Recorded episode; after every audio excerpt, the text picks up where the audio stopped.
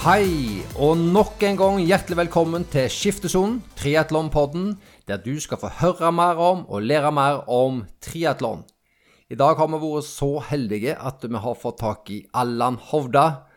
Tre ganger Norseman-vinner. Han har Norges, rekord i fulldistanse Ironman. Den norske rekorden er der. Slått kun én gang av eh, Mikael Iden, men det kommer vi inn på i intervjuet. Nå så er det jo spennende hva som skjer i uh, triatlonverdenen i Norge. Det er jo uh, spennende for mange av oss hva som skal bli arrangert, og hva som skal i det, i det hele tatt skje. Og der, uh, Morten og Mikael, hva er, er siste nytt, og hva skjer i uh, nå?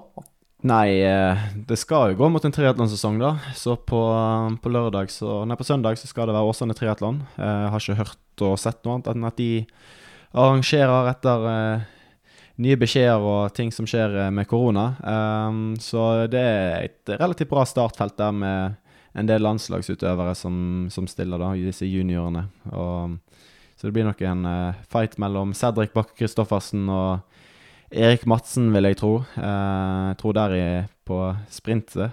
Og så har du vel en Ida Barrows, eh, som stiller på, i dameklassen, eh, og som skal konkurrere mot eh, Sara Mangdal, som er vel kanskje de store favorittene, favorittene nå.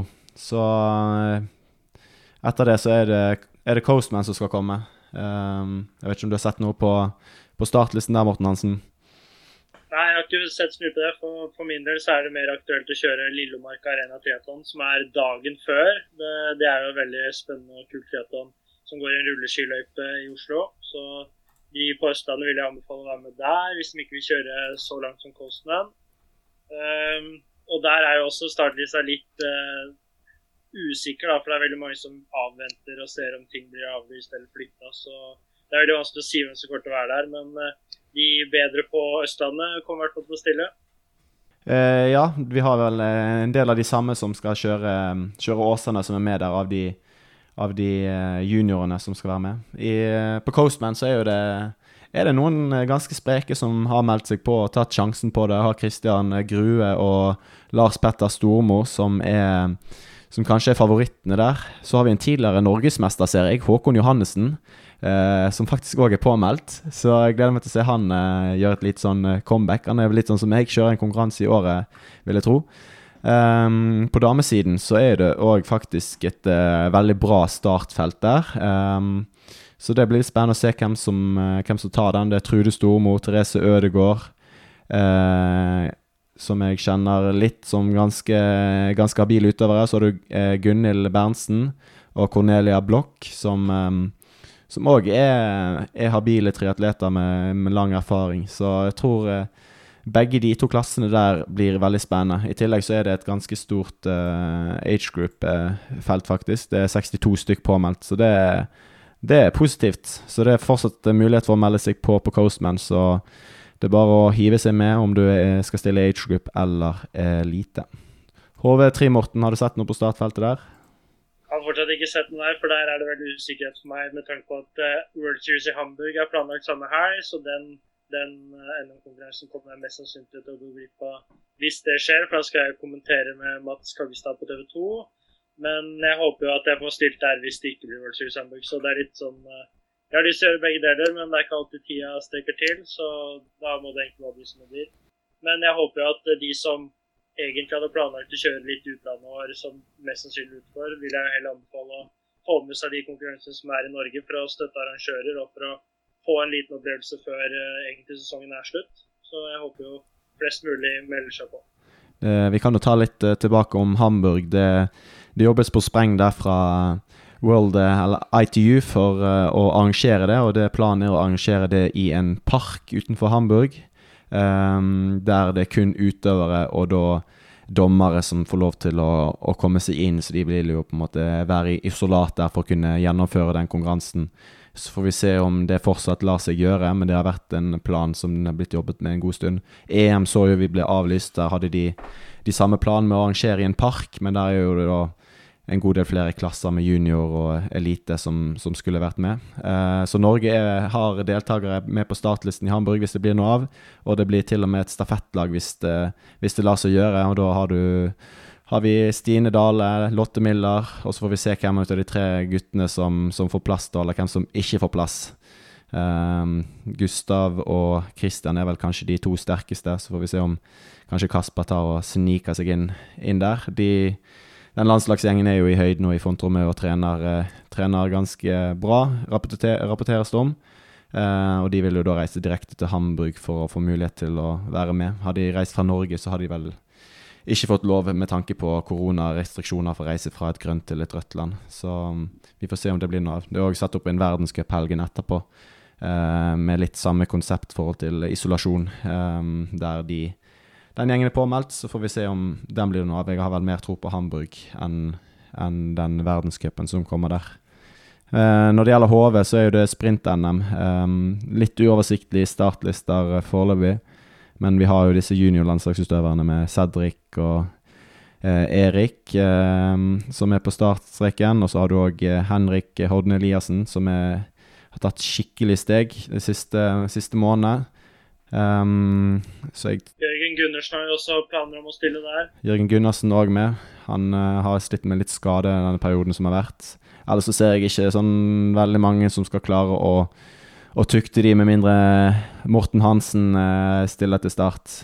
På, på, jentesiden så er det vel kanskje Sara Mangdal som er, er den sterkeste for øyeblikket. Um, uh, Ida Barrows fra Sverige har jo tenkt å delta der, men vi får se om hun klarer å starte, få lov til å starte med juniorene. Uh, eller med NR-feltet, ettersom at hun er svensk. Um, så ja det er vel det som, eh, det som kommer nå. UM er jo òg satt opp eh, den samme helgen. Så det har vel blitt skrevet noen kommentarer på Facebook forhold til om de skal arrangere eller ikke. Vi får satse på at det går, og hvis de må nedskalere litt, så håper vi at de går for å arrangere i hvert fall NM og UM. UM så får de heller droppe age-gruppene, i hvert fall min anbefaling. Da er det mye spennende i vente. Vi krysser fingre for at uh, vi får fulgt både konkurranser og utøvere uh, nå framover, og får heia og får denne spenningen og gleden det er å se denne idrettsgleden rundt uh, triatlon. Da gjør vi som vi sa innledningsvis i denne podkasten. Vi går inn og blir bedre kjent med Allan Hovda, en av de aller, aller beste og hyggeligste og mest pratsomme triatletene vi har i Norge. Det skal bli skikkelig spennende å høre om han, der vi både blir litt eh, kjent med han og får hørt litt om hans erfaringer, der han har både norgesrekord, som sagt, på Ironman i tid, og har vunnet masse Norseman. Og han er ekstremt opptatt av, og ekstremt god til dette her med aero, og det å hente ut vatt i de minste detaljer.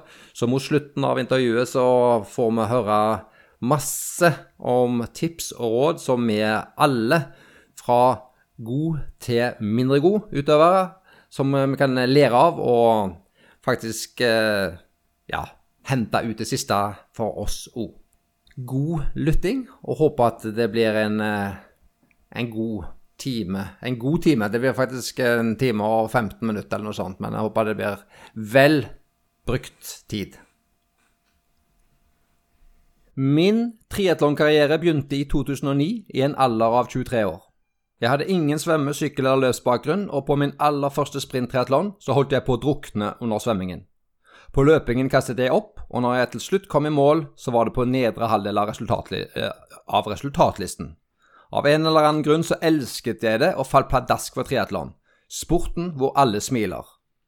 Nå, mange år senere, så elsker jeg det fortsatt, og min lidenskap for triatlon og ønsket om den optimale prestasjonen er sterkere enn noen gang.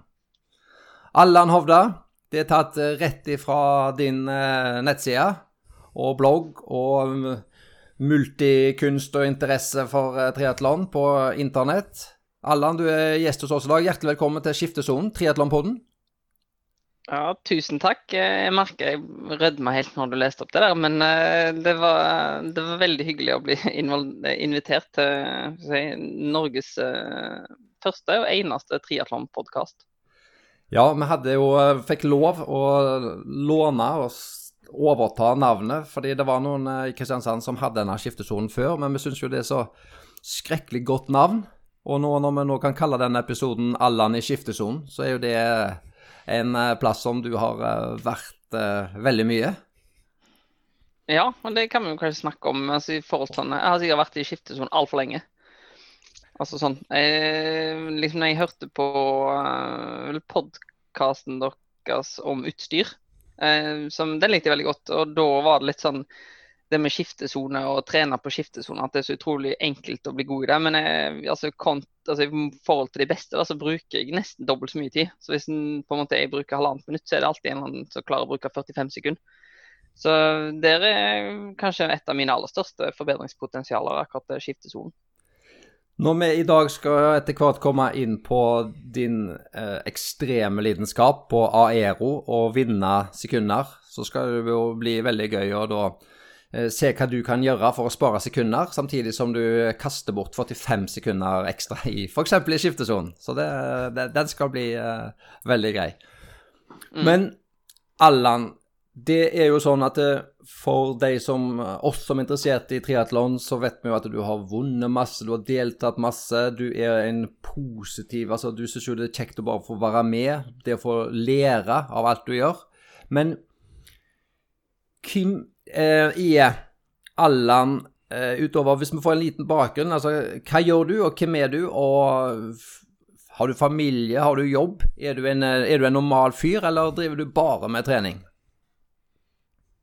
Ja, det er, jo, det er jo, gode spørsmål. For, altså, I utgangspunktet så er jeg jo den usannsynlige vinneren av Norseman Ekstrem Triatlon. Altså det å på en måte begynne i en alder altså sånn, ja, hadde mitt første triatlon når jeg var 23 år og hadde ingen form for måte, sports, altså utholdenhetssportbakgrunn eller svømming eller noe som helst sånt. da, Så, så, så det, var det mange som tenkte at og, eller, og sa til meg at å fullføre Norseman, det, det kommer du ikke til å klare. Så sånn, altså Fem år senere så, så vant jeg. Eh, og det er veldig få, på en måte, spesielt meg inkludert, som, som hadde kunnet tenkt at det var i det hele tatt mulig. Så Sånn sett så var jeg, var ganske normal egentlig som på, på, det tidspunktet. Og så ble jeg vel ja, bitt av den triatlonbasillen, og så på en måte balla det bare på seg. Så på en måte utenom triatlon, så er jeg prosessoperatør på, på en oljeplattform i, i Nordsjøen. Jeg jobber for Equinor, og det har jeg gjort siden jeg var 18. Um, ehm, og det har jeg jobba fulltid fram til 2016. Og da ble, fikk vår første sønn på en måte ble da ett år, og da, da ble det for mye å kombinere alt, liksom. Eh, så da har jobba deltid utenom det. Og så er jeg gift og har nå fått barn nummer to, fikk nå eh, på julaften. Ja, det høres jo eh, ekstremt eh, gøy ut å være i arbeid, ha to barn og drive på med ekstrem triatlon. Så det eh, håper vi kan lære noe av hva du, hva du får til. Men eh, du, eh, vi kan jo ta det, fordi vi snakket jo bare noen få minutter før vi begynte innspillingen. Og du er jo ute på jobb nå, ute på en eh, plattform. Ja. Og du beskrev til oss at du jobber tolv timer, tolv og en halv time til dagen, og du har én time lunsj. Og den lunsjen blir brukt til litt trening, og rett etter jobb blir brukt til trening. Hvordan har du utnyttet f.eks. de dagene, og så mange timer kan du klare å trene i løpet av eh, ei uke når du er ute på jobb? Ja, vi, vi, snakket om det på en måte når eh, Hvis jeg har ei uke som, som, blir på en måte uten overtid, altså det blir uten på en måte møter utenom min ekstraordinære time, så på en måte sånn, jeg, jeg kan trene 20 timer i uka.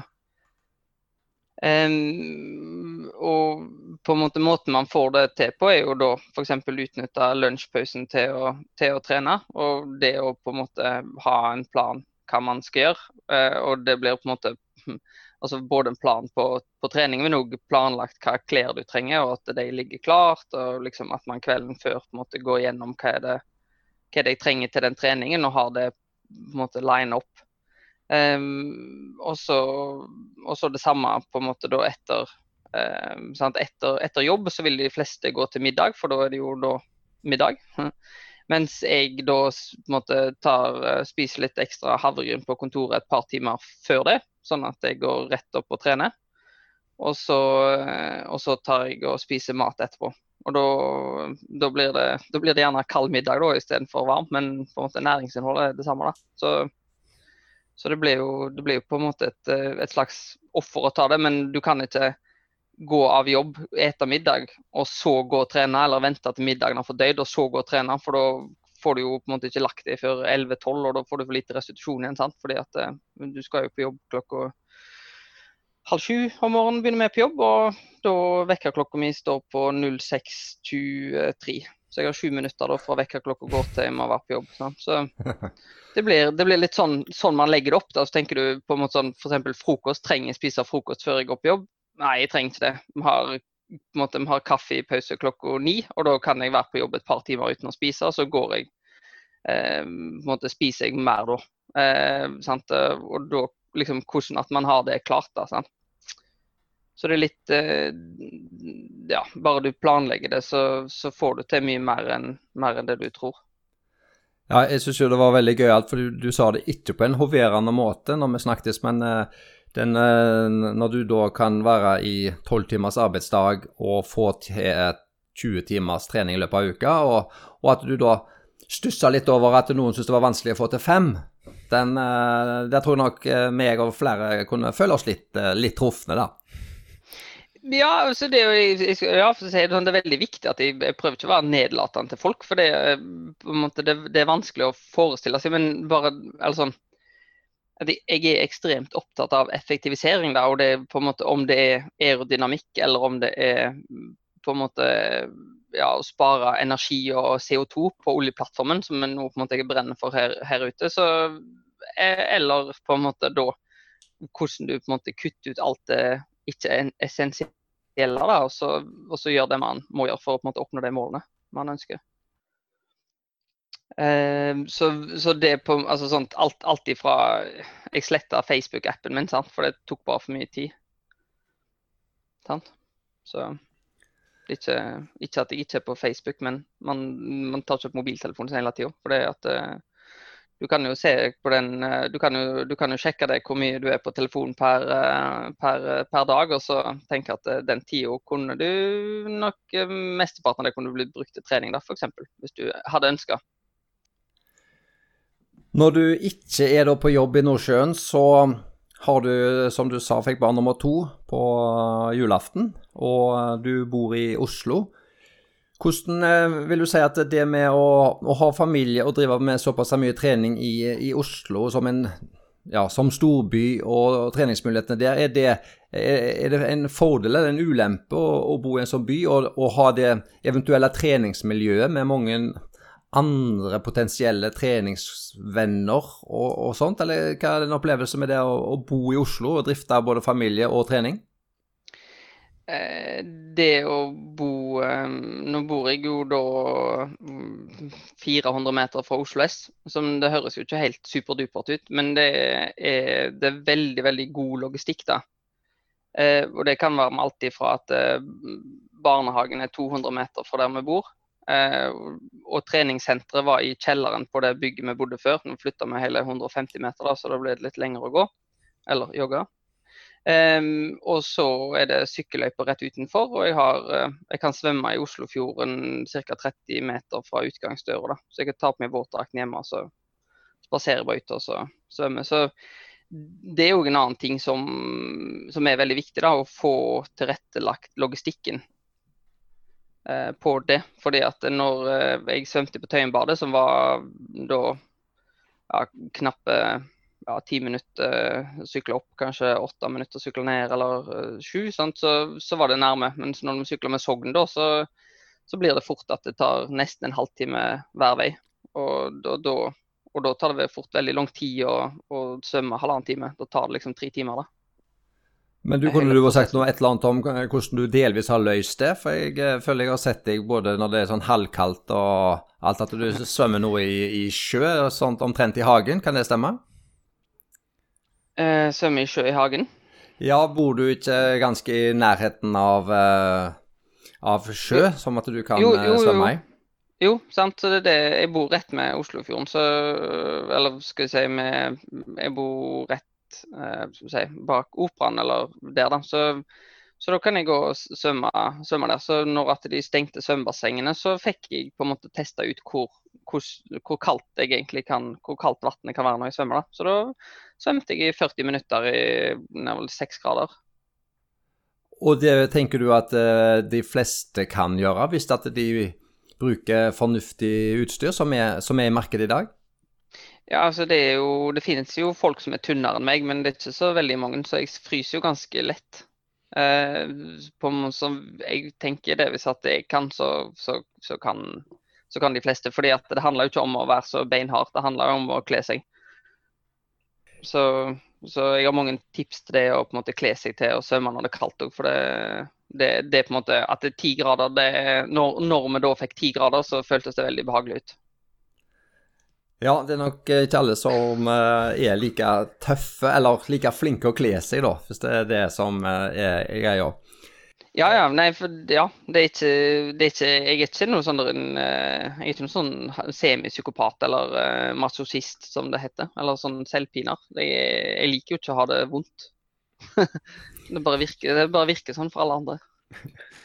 Ja, fordi da bare For nå har vi blitt litt kjent med deg, og vi skal ikke dvele så mye med det. Men apropos selvpining og sånt, var det Vi leste jo denne introen eh, som du har, eh, har lagt ut på sida di, der du begynte i 2009, i en alder av 23 eh, år.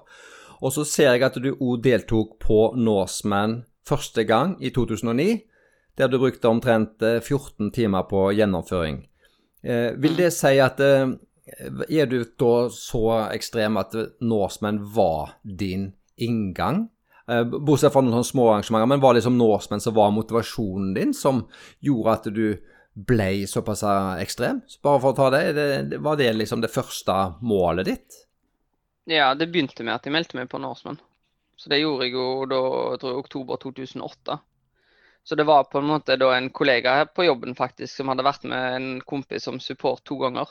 For jeg så bare en video av det, og så var han sånn eh, Han hadde vært med som support, og det fikk jeg til. Så jeg lot meg jo på en måte lure av det, da. Så tenkte at eh, ja, vi bare prøver. Så det var jo Man kan jo kalle det at jeg, jeg var jo, og på en måte fortsatt kanskje litt sånn litt sånn ignorant overfor oppgaven man står på, liksom altså sånn litt sånn Pippi Langstrømpe-holdning at ja, Det har jeg aldri gjort, så det er jeg sikkert kjempegod til.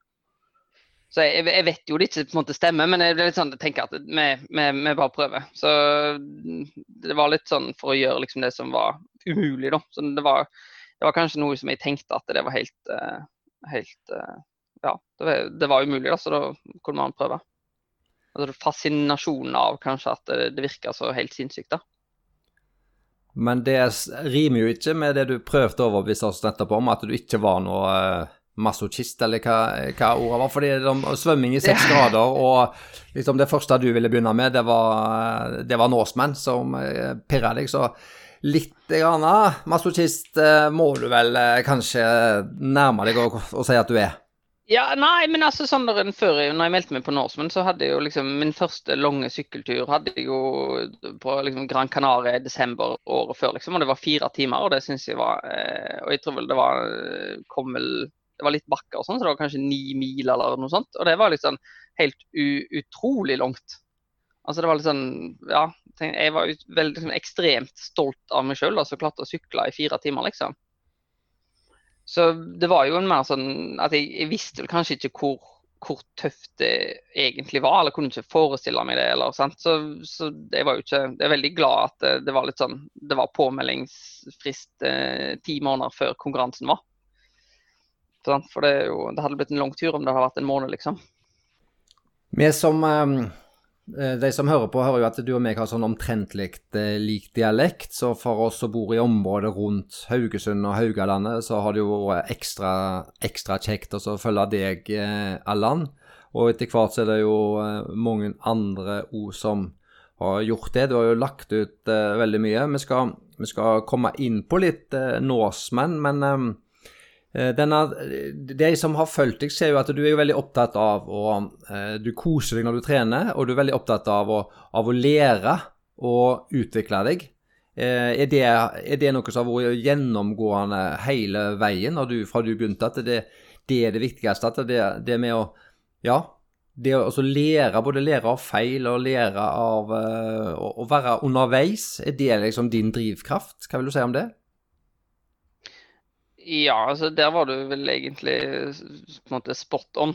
At det den på en måte klisjeen med at veien er målet, er jo Det er veldig der, da. Jeg har ikke noe når folk kan spørre f.eks. Ja, hvor lenge skal du holde på med triatlon, så tenker jeg at eh, jeg holder på så lenge jeg syns det er moro. Jeg har jo Jeg skulle gjerne på en måte altså vinne Ironman Hawaii som, som 50-åring, liksom. Eh, og har kunne òg tenkt meg å tatt, altså blitt verdens eldste fullfører av Ironman Hawaii. Altså Jeg tenker jeg skal holde på med det til jeg dør. Um, at det er ikke noe, det er ikke noe sånn endepunkt at det, ja, jeg satser bånn gass nå, og så er det slutt. Det her eh, på en måte, Vi ser det på et veldig langt perspektiv. og noen er sånn, eller Jeg hørte det på en podkast for noen dager siden. Det å ta ett steg fram, og så går du ett steg tilbake. Det betyr ikke at du, selv om du på en måte ikke har fysisk flytta deg et sted, så har du lært noe på veien, og du har utvikla deg. Så det om du har en konkurranse, og den, den går dårlig, så er det veldig sjelden du kommer ut av det uten å på en måte ta med deg lærdom. Og da er det jo, hvis at du tenker at det er utvikling det handler om, så blir det på en måte en suksess uansett. da. Uh, og det, det, er mye lettere tankegang å ha da, fordi at hvis du holder på med langdistanse triatlon som uh, sånn, Nå skal ikke jeg si at det kortdistanse triatlon er, uh, er, enklere enn langdistanse triatlon, men det er litt lettere å få altså Resultatene blir litt altså mye jevnere resultater. da. Eh, at det er kanskje færre faktorer som, som, går galt i forhold til sånn eh, Ernæring er jo en veldig stor greie eh, at, som kan være vanskelig å få til. Og, og så f.eks. hvis du skal sykle raskere, så kanskje aerodynamikk sant? vi kommer inn på det er viktig. Sant? og Da kan man kanskje endre sykkelposisjon for å bli mer aerodynamisk. Men det er veldig vanskelig å forutse om den sykkelposisjonen i på en måte fire og en halv time, om det gir noen konsekvenser du ikke eh, Negative konsekvenser, da, som at du ikke er i stand til å løpe etterpå. Eh, at, eh, at noen, noen, muskulaturer får, så, får en, en, sånn belastning. Så, men på en måte, hvis man da ikke tør å prøve, så er det jo heller ikke noe å vinne. Så det blir litt sånn, eller det er vanskelig å vite det potensialet. så er sånn, jeg er med på mye som i utgangspunktet er en himla dårlig idé, da. Men det, det er veldig sjelden at eh, jeg ikke Jeg, jeg syns jeg får noe ut av det. Ja, og denne lidenskapen og interessen, og ikke minst kontinuiteten din, har jo gjort at du etter hvert har um, blitt ganske god. Uh, både egentlig i, i hvert fall i Norgessammenheng, men egentlig òg uh, når vi ser lenger ut. Og litt for gøy når vi snakker om Norgessammenheng, så, så har vi jo en, en, en, aktiv trener med oss i, i podkasten. Mikael Iden. Og vi hadde jo litt gøy med at han skulle henge seg med på et, et løp her eh, for eh, et års tid siden. En Ironman-distanse. Og da eh, husker jeg at du Du jobba jo en periode ganske aktiv fordi at du så viktig det var for deg, det vet jeg ikke, det kanskje du kan si nå, men at du eh, Det var jo en nor norgesrekord bare i tid. Kan nå eh, Altså, det var Var det Gudmund Sniltvedt som hadde den, Allan, eh, tilbake i 2018? Den 8.26, var det Gudmund? Ja, det var Gudmund så Jeg vet ikke om han tok den i 14 eller 15 eller noe i den, den dur, da han hadde den, ja. Nei, kanskje tidligere òg. Ja. ja. for i hvert fall så vet jeg at i 2018 der så var du i brukbar form, og da hadde du vel et uttalt mål om at eh, det, den ville du den ville du nå ta og ha. Eh, og i 2018 så kom du vel et par minutter bak i, i Barcelona. Og i Du prøvde igjen i Texas i april 2019, og da tok du eh, rekorden på 8.20,45. Og når du gjorde det løpet der var det eh, opplevelse, var det prestasjonen og sånt som var det viktigste og beste for deg, eller klarte du å glede deg over å faktisk sitte igjen med, eh, med norgesrekorden? Ja, for jeg, jeg, vet ikke. Jeg hadde mm, sånn Jeg ble uttalt at den norgesrekorden skulle jeg ta, men jeg, jeg, prøver å unngå å sette jeg, så konkrete tidsmål, fordi det blir veldig avhengig av altså på en måte løypa, varme, eh, vind, konkurrenter, om du får noen på en måte problemer underveis. Og det blir sånn at når du setter et mål som blir veldig avhengig av faktorer du ikke kan styre, så på en måte har du liksom gitt for deg litt av styringen. da. Så det er jo noe på en måte vi jobber, jobber med, på en måte det å ha målsetninger som jeg sjøl vil ha kontroll over. Da. Og det kan være på en måte målsetning på, um, på, på sykkel, altså målsetning med å holde en watt. Um, og målsetning på, på, på, løp og litt mer på å holde en, ja, en fart på løp. Da. Så, men uh, det, det, blir litt ja, man, man, prøver å holde liksom, ja, målsetningene på, på måte ting man kan, man kan, gjøre noe med, og ting man kan, man kan kontrollere, i motsetning til å flytte det. Sånn som jeg pleier til å ha sånn plassplassering som et, et, mål, fordi at da er det avhengig av hva konkurrentene gjør. Og da kan man jo bli under konkurransen bli fokusert på hva konkurrentene gjør. Um, som det sjelden på en måte svarer seg veldig i en langdistanse triatlon. Jeg, jeg ser det på veldig høyt nivå. Det er altså f.eks. når jeg satt norgesrekord i Barcelona til slutt, um, så, uh, så starta jeg å løpe for hardt. Jeg løp vel første, den første kilometeren på 3,45 fart. Og på det tidspunktet så hadde de tre andre som jeg løp ut med, de var da over 15 sekunder foran meg. Så de starta på 3,30 fart. Og det er jo ikke en Ironman i verden som har blitt eh, gjennomført på 330 fart, som jeg vet om. Sant? Så de sprakk jo alle, de.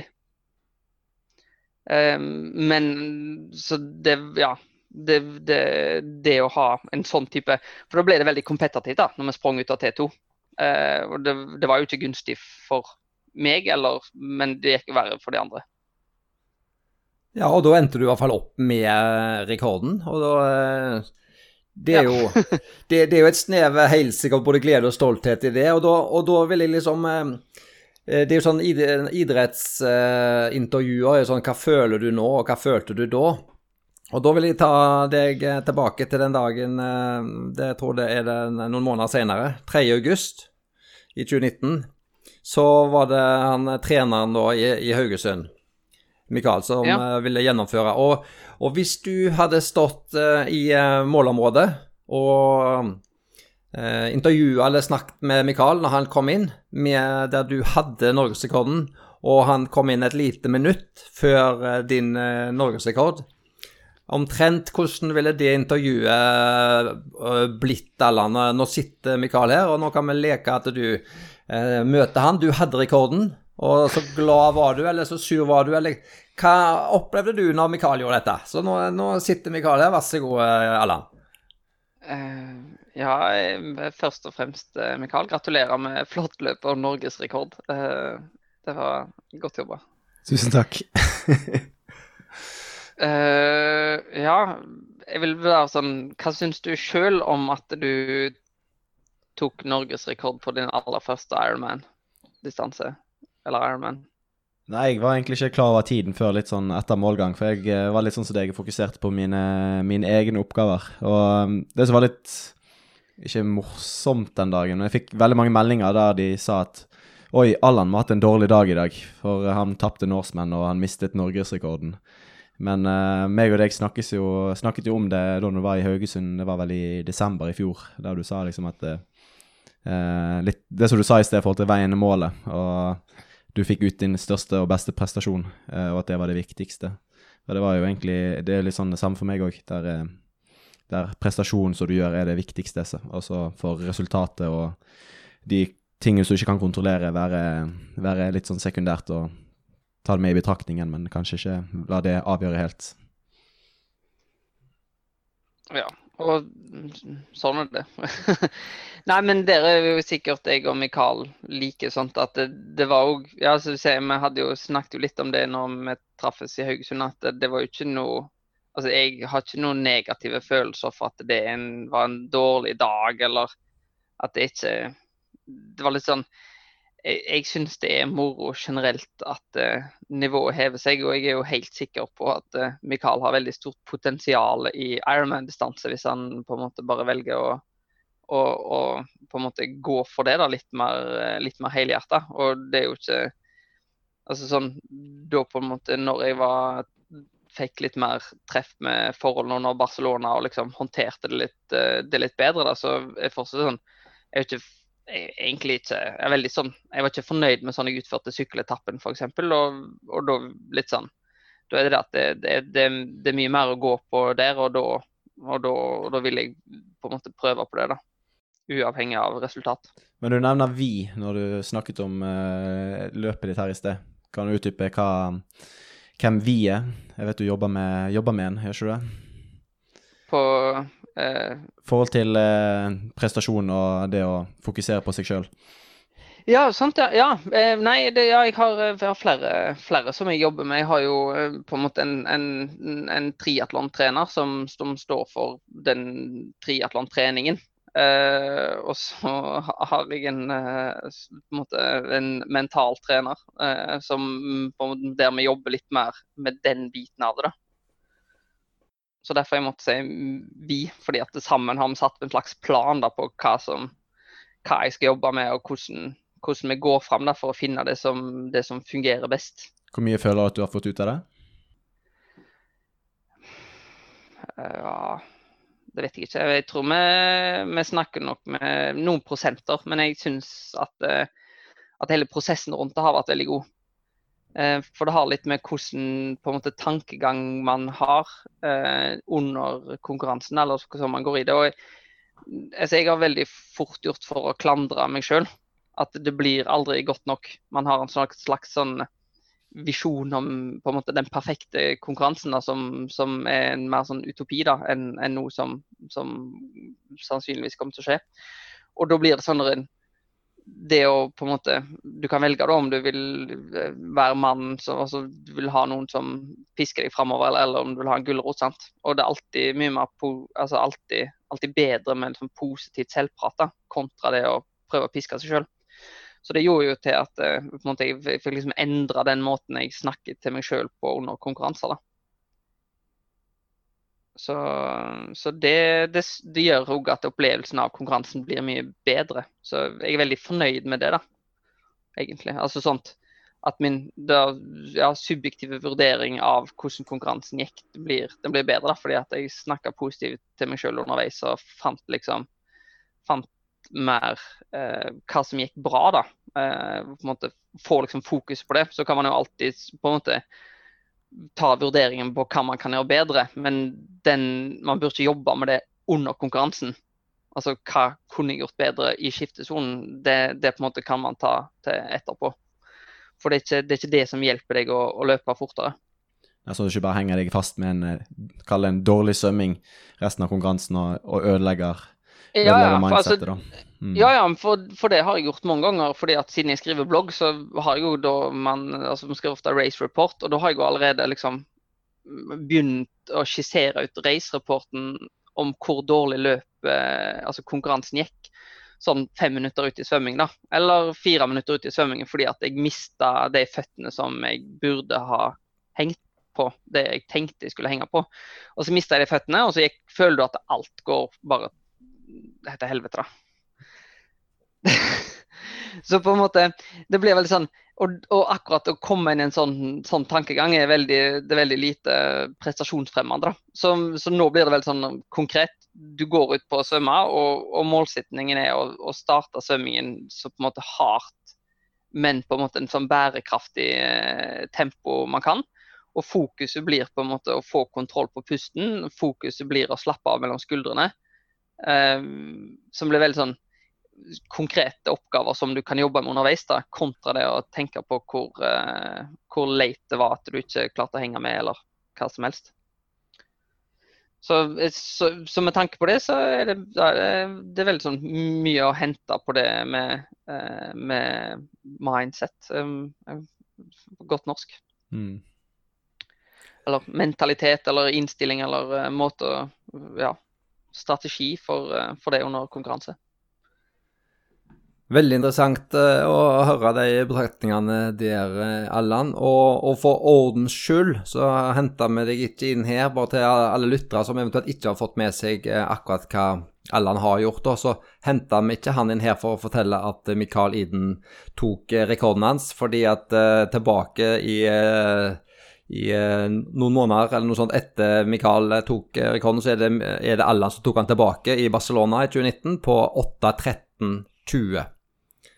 Så det er vel eh, den eh, gjeldende Ironman-rekorden, den norske rekorden. Allan. Så, så, bare som, så det er helt klart, så det, så det er vel du som har den norske rekorden nå, altså? Eh, ja, men eh, det er ikke heller eh, Skal jeg si Det er heller ikke så viktig for meg. når, eh, når, Gustav og Christian prøver seg på den, så har ikke vi sjans lenger, så da Nei, ja. men, nei, men det, ikke, det, hadde vært gøy å fått blitt første til å kjøre sub 8, da. For, så, så får se hvor lenge Christian klarer å hvor, hvor lenge han kjører hvor, lenge, hvor, lang tid det tar før han kjører full, full distanse. Klarer å holde seg unna. Men eh, da kaster jeg over ballen. Eh, syns du det høres gøy ut å klare sub åtte timer, eh, Mikael? Jeg syns det høres kjekt ut, men jeg vet ikke om jeg er villig til å legge ned innsatsen for det. Hva med deg, Allan? Uh, ja, det er ikke det Altså sånn absolutt hadde det vært, vært, vært, noe som har vært gøy å jobbe mot. Og det var jo sånn som når du kommer på en måte uten en svømmebakgrunn, så får man den eh, at eh, kan man få den oppfatning at det å bli god å svømme i voksen alder ikke går. Eh, og det er jo sånn, det er bare tull. Det går, men det er bare utrolig vanskelig. Så, så, det er litt sånn Det å på en måte få knekka svømmingen var sånn Jeg visste at du, kan ikke Det er veldig vanskelig å kjøre sub 8 hvis du skal svømme på 55 eh, minutter og komme liksom 8 minutter bak de beste. Da er det, da er det vanskelig å, å, nå det. Så med mindre du på en måte Med mindre effekt til svømming, da, så var det bare til å drite i det. Så jeg har aldri tenkt at eh, egentlig nå det målet. Det var sånn når, Hvis jeg skal ta det neste steget i Ironman, så må svømmenivået bedres. på en måte Punktum. Så, så, får man ta, måte, jobbe mot det. og Hvis man får til det, så kan man heller justere ambisjonsnivået etter det. Men uh, det er ikke, jeg har ikke noe ja, Jeg har, har, veldig lyst til å gjøre det bedre, da, men det er sånn det har vært uh, f.eks. det å konkurrere i varme omgivelser har vært en vanskelig nøtt å knekke. da. Men nå har du kjørt eh, 1000 eller 24 timer på sykkel og hatt litt forskjellige ja. mål og, og Norseman, men hva tenker du liksom er er det som du virkelig har lyst til å spisse deg inn mot? Er det Norseman, Hawaii, proff, kjøre fort? Ja, sant. Så det er litt sånn en bevegelig mål, akkurat det der. For, eh, for det utgangspunktet så Altså, jeg har jo vært på Hawaii to ganger som, som age-grouper. Og det er jo selvfølgelig veldig mye vanskeligere å kvalifisere deg der som proff. Men det å på en måte kvalifisere seg til Hawaii som proff ville jo vært utrolig kjekt. Men når du står på startstrek og når du skal i vannet og når du på en måte er med på sykling og løpingen, så tror ikke jeg at opplevelsen ville være så unik. Eh, på en måte nødvendigvis da, da på en måte hvis, hvis jeg ikke er god til å svømme, hvis jeg ikke blir veldig mye på en måte, altså, god til å svømme, da, så er konkurransen over på en måte før at det kanskje etter 30 sekunder. da så har du mista føttene dine, og da er det løpet kjørt. For å være, altså for å være måte kompetativ der mot noe som helst. Og det er liksom ikke det er ikke vits å være der for å være en, på en, måte en, en turist. Det, det, det Ja. Så, så, det er litt sånn Vi får ta det svømmegreiene først. så Jeg, kunne, jeg skal tilbake til Hawaii på, på et eller annet tidspunkt. Så, så det er jo absolutt eh, på en måte, Det å få til svømmingen og det å ta ut potensialet i en sånn Ironman-arena er jo noe på en måte som jeg eh, ja, har lyst til å gjøre for, for, min egen del. For der føler jeg har veldig mye mer utestående enn f.eks. på Norseman, der jeg har fått det godt. Den um, Mikael var inne på, denne 24-timersen du gjorde, var, var det et um det var jo et stunt, sånn som vi opplevde det. Men eh, samtidig så var det jo Eh, ja, det var jo veldig spennende å, å, se hva du kunne få til. Og det som eh, starta som en norgesrekord, viste seg jo å nærme seg en verdensrekord, og du sykla i 37 km i timen i snitt i 24 timer. Og hva, eh, hva erfaringer og opplevelser ga dette deg, og hva eh, har du lyst å, å gjøre det igjen? Er, er, det på en måte et eh, mål som, som nå har dukka opp? Er det så flytende at du eller har det seg inn fra sidelinja nå? Uh, ja, det, det, er jo, det, er jo, veldig interessant. For det kom som en veldig sånn Det ble en veldig overraskelse. For det begynte jo Altså selve prosessen begynte jo Tror jeg jeg så en sånn video av en som skulle prøve å sykle 24 timer på velodrom. For liksom et, et, år eller et halvt år siden. Så bare tenkte jeg på det tidspunktet tenkte jeg at uh, det her tenkte jeg her må det jo kunne, det der må kunne gjøres bedre. Men jeg har jo da aldri prøvd noe. Så siden det da ikke ble noen sesong, nei, altså noen triatlonkonkurranser, så tenker jeg ja, jeg prøver å sykle 24 timer. da, fordi at uh, jeg visste jo at uh, Ja, altså sånn cirka hva verdensrekorden var. Bare sånn cirka. Uh, så at, at jeg tenkte at det, det må jo være en grunn til at den ikke er lenger. Det må jo være ganske tøft. så, eh, så jeg bare for å prøve noe nytt, prøve å liksom teste noen grenser. For det lengste jeg hadde sykla før, det var jo for så vidt ikke kort. Jeg hadde jo sykla i ti timer før. Eh, men da kom jeg jo 300 km, og det var ikke i en tempostilling. sant? Og når du da sykler ti timer, skal du sykle, da har du ikke kommet halvveis engang. Så du er ganske mør etter ti timer, da, eh, normalt. Så, så, det ble mer en sånn gå ut i det ukjente, da. Og med på en måte ganske sånn dårlige forberedelser. Fordi at eh, det ble liksom Norseman fem dager etterpå, og folk lurer på hvorfor jeg planla det sånn. Men det var sånn, i utgangspunktet så planla jeg Norseman, og så måtte jeg bare klemme den 24 timer der det passet. Og det var jo sånn at eh, f.eks. den nye sykkelen min kom jo veldig kort tid før den 24-timers-konkurransen, og så bestilte jeg feil kranklager, og så var det bremseveierskabel som måtte fikses. Så var det jo noe sånt, Jeg holdt jo på å skru på sykkel fram til de siste dagene før, før selve forsøket. Um, og support hadde jeg i utgangspunktet ikke. Uh, fordi at vi var på ferie med familien, og Jenny hadde tross alt det er jo ungene våre som hun måtte passe på. Uh, så da ble det sånn at uh, mamma bestemte seg et par dager før for at vi kjører over og blir med. med. Så i utgangspunktet så hadde jeg tenkt å ha bilen min med, med, med løypa, og så stoppe og fylle drikke sjøl og mat sjøl og den biten der. Så, så det, ble, det ble veldig sånn ja, dårlige forberedelser og måtte bare gjøre det beste ut av det. da, Men det er sånn, det er nå eller aldri. Fordi at du har ikke sommer så lenge. og det er litt sånn, det her må man bare prøve. Og så får det gå filleveien. Og det gjorde du ganske greit. Ganske tidlig òg, egentlig. Jeg gikk jo tryn, på trynet i rundkjøring nummer fire. Så det var til én time så gikk jeg jo i asfalten. Um, og slo meg jo ganske greit sånn på hele, hele venstresida.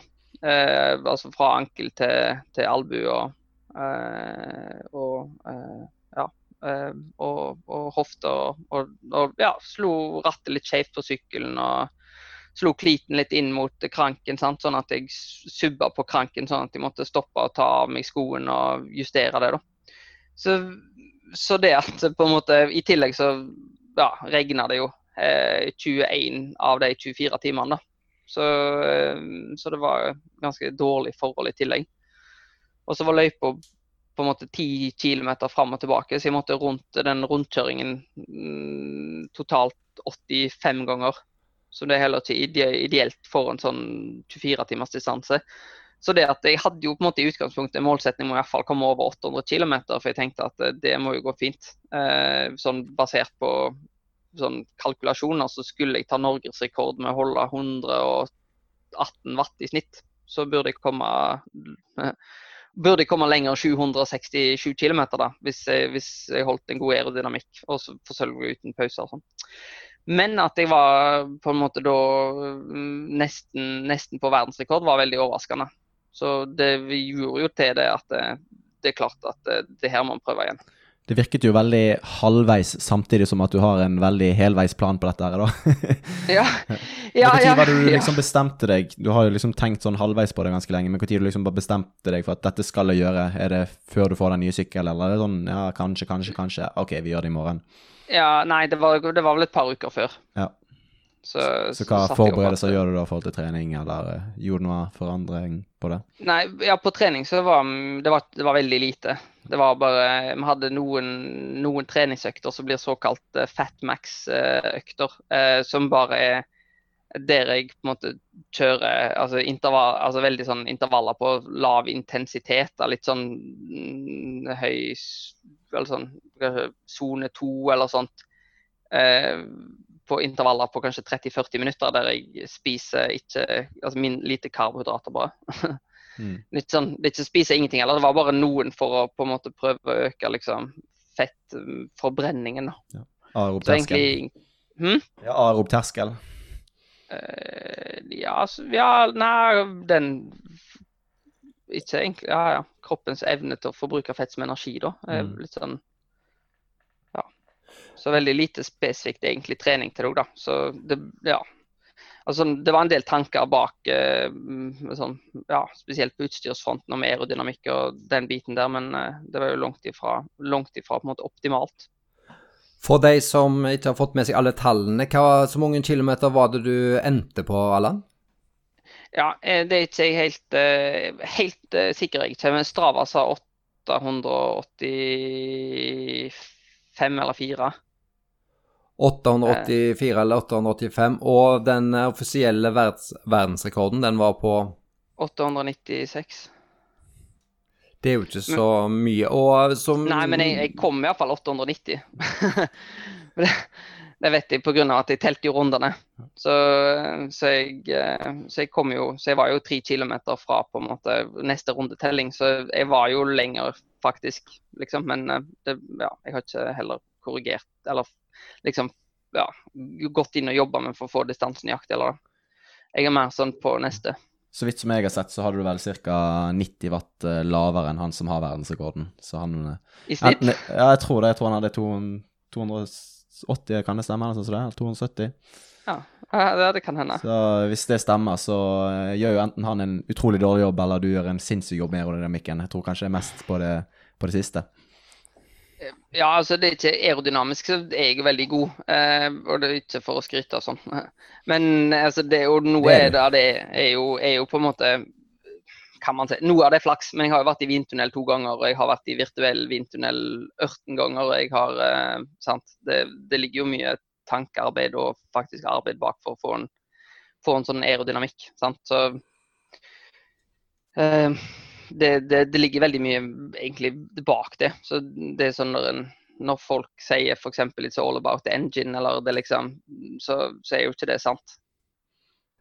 Nei, og du er jo ekstremt eh, god på det. Og det, vi skal jo eh, tenke at det skulle være sånn siste innslag her. How to ride faster for free. Part både én og part to har jo du lagt ut på bloggen din, og vi skal dra igjennom det. Men jeg har lyst til å få et par tanker omkring, i og med at vi vet eh, Norseman Du har jo blitt eh, ei stor stjerne i Norseman. Du har vunnet tre ganger. Du, vi snakket jo om at du starta første gang i 2009. Det var jo egentlig målet ditt. Det var derfor du starta med triatlon. Brukte 14 timer. Du jobba videre, fikk en tredjeplass i 2013. Du vant Norseman både i 2014 og 2015. Eh, Du eh, gjorde deg en eh, erfaring i 2016 med noe lungeødem, noe sykdom, så du fikk en eh, Du klarte ikke å fullføre. DNF. Annenplass igjen i 2017. Vant i 2018. Og så tapte du en sekundstrid mot eh, Hans Christian eh, altså Tungesvik i 2019. Og da eh, Noen har jo lest denne racebriefen din og så, men eh, den opplevelsen med å tape en sekundstrid etter eh, ja, var det rundt eh, ti timer pluss mot eh, Hans Christian Opplevelsene dine der når du tror du kan vinne og opplever at han kommer bak. Kunne du bare tatt oss gjennom den innspurten i Norseman 2019, eh, Allan? Ja, det var jo en Det var jo veldig sånn opplevelse som har som sitter i, da. Så, sånn, ofte når man kjører triatlonkonkurranser, så, så, så varer de veldig lenge, og så husker du liksom 30 sekunder av hele, hele konkurransen. Um, men det å løpe opp på Gaustatoppen der, og det var jo veldig fint vær, så man hadde god sikt. Eh, og, og på det tidspunktet vi kom opp, så var det sånn der en så spurte jeg da Henrik, som var min supporter, mm, Henrik Oftedal, som har vunnet Norseman to ganger, om på en måte sånn, er det noen som kan ta oss igjen nå? Og han bare sånn Nei, det, det, det er ingen, liksom. Men det var jo sånn Vi jobba fortsatt altså sånn veldig sånn konkret på å sette den ene foten foran den andre så fort som mulig. Um, så, så det å på en måte ikke fokusere på hva konkurrentene gjør, sant? det å jobbe på, på det man kunne. Og så, og så når man på en måte nærmer seg altså toppen, sånn veldig veldig nærmer seg toppen eh, For de som har vært på Gaustatoppen, så var det rett før der heisen, eh, der du går ned til heisen. Så, så kunne vi se at eh, det var folk som begynte å juble i bakgrunnen. Og da jubla de for Hans Christian, og du kunne se at han var kanskje eh, 20 meter bak deg. Og på det tidspunktet da så spurte jeg Altså da begynte du på en måte å spurte alt du kunne. Eh, og det varte i ca. fem sekunder. Og så låste det seg helt. Så når jeg kom opp på platået eh, der, der heisen var, så var det sånn så vidt jeg gikk framover eller bakover. på en måte. Sånn, da kunne det liksom det gått begge veier. da.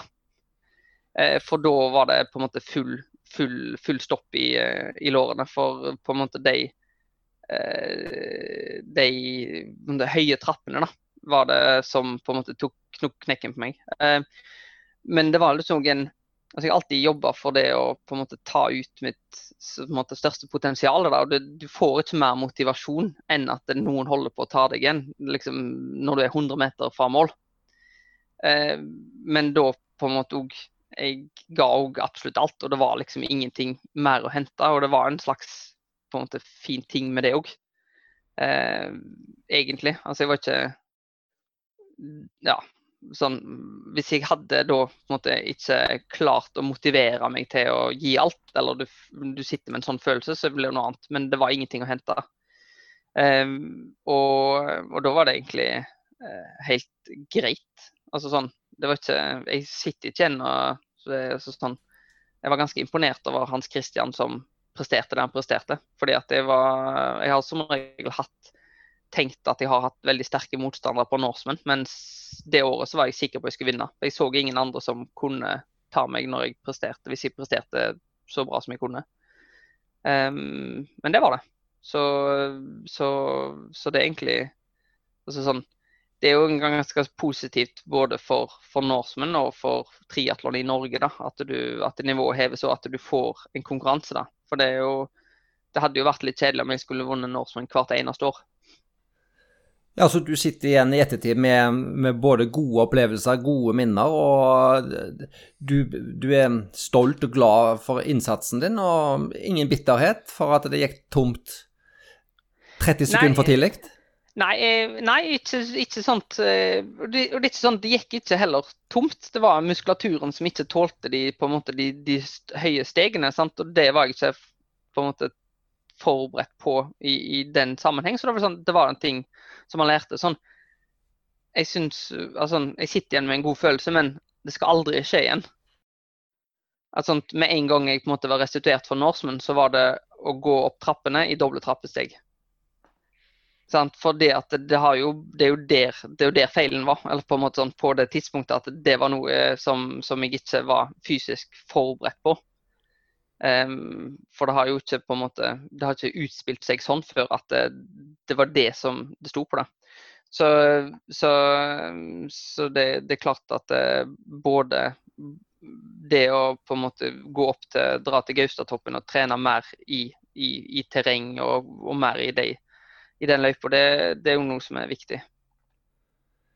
Da. Altså sånn, ta den lærdommen av det. Men det er jo Ja, det var en utrolig kul fight egentlig hele veien. Og sånn som i 2018 så vant jeg jo Og på et tidspunkt så hadde jeg jo 23 minutters margin. Og da på det tidspunktet, det er Zombie Hill, når jeg hadde da 23 minutters margin, så forsvant jo min motivasjon til å, til å presse meg. Og det at jeg da på en måte ikke klarte å presse meg, jeg klarte ikke å motivere meg til det, så satt jo en følelse av at jeg var skuffa over min egen prestasjon. Sant? Og det er jo sånn teit, fordi at altså, sant, Jeg vant Norseman og jeg var ti minutter før nummer to, men når du ikke har prestert det du vet du har inne, da, så, så, blir man, så, så, man sittende igjen med at det var man ikke fornøyd med. Fordi at eh, det å på en måte ta Norseman som en tur, det kan, jeg gjøre, kan jeg gjøre andre ganger. Men når du først er der på konkurransen, da er det full gass fra start til mål. Det er ikke, noe, det er ikke vits å på en måte ta det rolig. Det er ingen, det er ingen god grunn for å gjøre det, utenom at du, ja, det er vondt, liksom. Ja, det var kjekt å høre at du, altså måten du minnes den situasjonen. fordi at eh, oss som fulgte det, så var det jo um, Det var sabla spennende, og så følte en jo med deg, men så kjente han jo på den gleden til Hans Christian. altså Det må være et vanvittig kick for han som så at meterne ble tatt inn. Så eh, du totalt sett så uh, tror du oppsummerte det greit med at det er kjekt for sporten. At det, det blir en fight. At det nivået har hevast, og at vi fikk eh, se dette. Så i det øyeblikket vi syntes synd på deg, så var vi glad på Hans Kristian sine vegne. Så det var liksom Det var masse følelser for oss som, som fulgte det òg, da. Så det var, det var, det var spennende. Ja, det er ikke Jeg tror eh, mamma og pappa som er veldig kompetitive. Jeg tror det, skuffelsen var størst der. Eh, for eventuelle eh, lyttere som vil høre mer, så har, eh, er det en Norseman Radio som har gjort et intervju med Allan. Der de, de ble spilt inn rett i forkant av den 2019 sekundstriden mot Hans Christian. Så der de, han både snakker om sin inngang til triatlon, ekstrem triatlon, og og, dette her med aerody aerodynamikk eh, som blir tatt til et uh, nytt nivå, det snakker de òg om der, så den uh, kan en gjerne høre på. Og Allan, vi skal bare før vi nå skal komme inn på dette her, disse tipsene dine avslutningsvis med How to ride faster for free, så ønsker vi at du som super Norseman-mann Vi skal jo sende ut en, en stakkar eh, podkaster i Norseman neste år. Han eh, forsøkte samme stuntet som deg i, eh, i, år, og skulle gjøre en Norseman solo helga etter du gjorde det. Eh, han har sagt at det var ikke fordi du gjorde det, men han hadde planlagt det lenge. Og Morten eh, Hansen dine ambisjoner og ønsker, og hva ser du for deg at du kunne spurt Allan om nå? Nå har vi Allan her, som er en godt merittert og ekstremt eh, erfaren Norseman-utøver. Og Hvilke erfaringer gjorde du deg, og hva tenker du at du kunne spurt Allan om for å bli en bedre utøver? For dette er noe som andre kan relatere seg til, som eventuelt ønsker å ta lodd og være med på Norseman. Så Morten, hva, noen gode spørsmål til Allan eh, i forbindelse med neste år?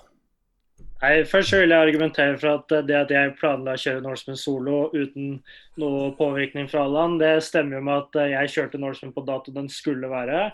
Så jeg føler det er et sterkt argument der. Men eh, det, det, største spørsmålet jeg har, er vel hvor du har drikkelangingene dine. Hvor er det du har supporten din som gir drikke på sykkel? Hvor er de viktigste stedene du setter opp det? Um, ja, og det med support er jo veldig er jo veldig viktig. Så, så sånn generelt for Norseman-utøvere så vil arrangøren få til at man ikke stopper så veldig ofte. Og det er jo jeg enig i at det kan bli mye trafikk rundt det å stoppe veldig ofte.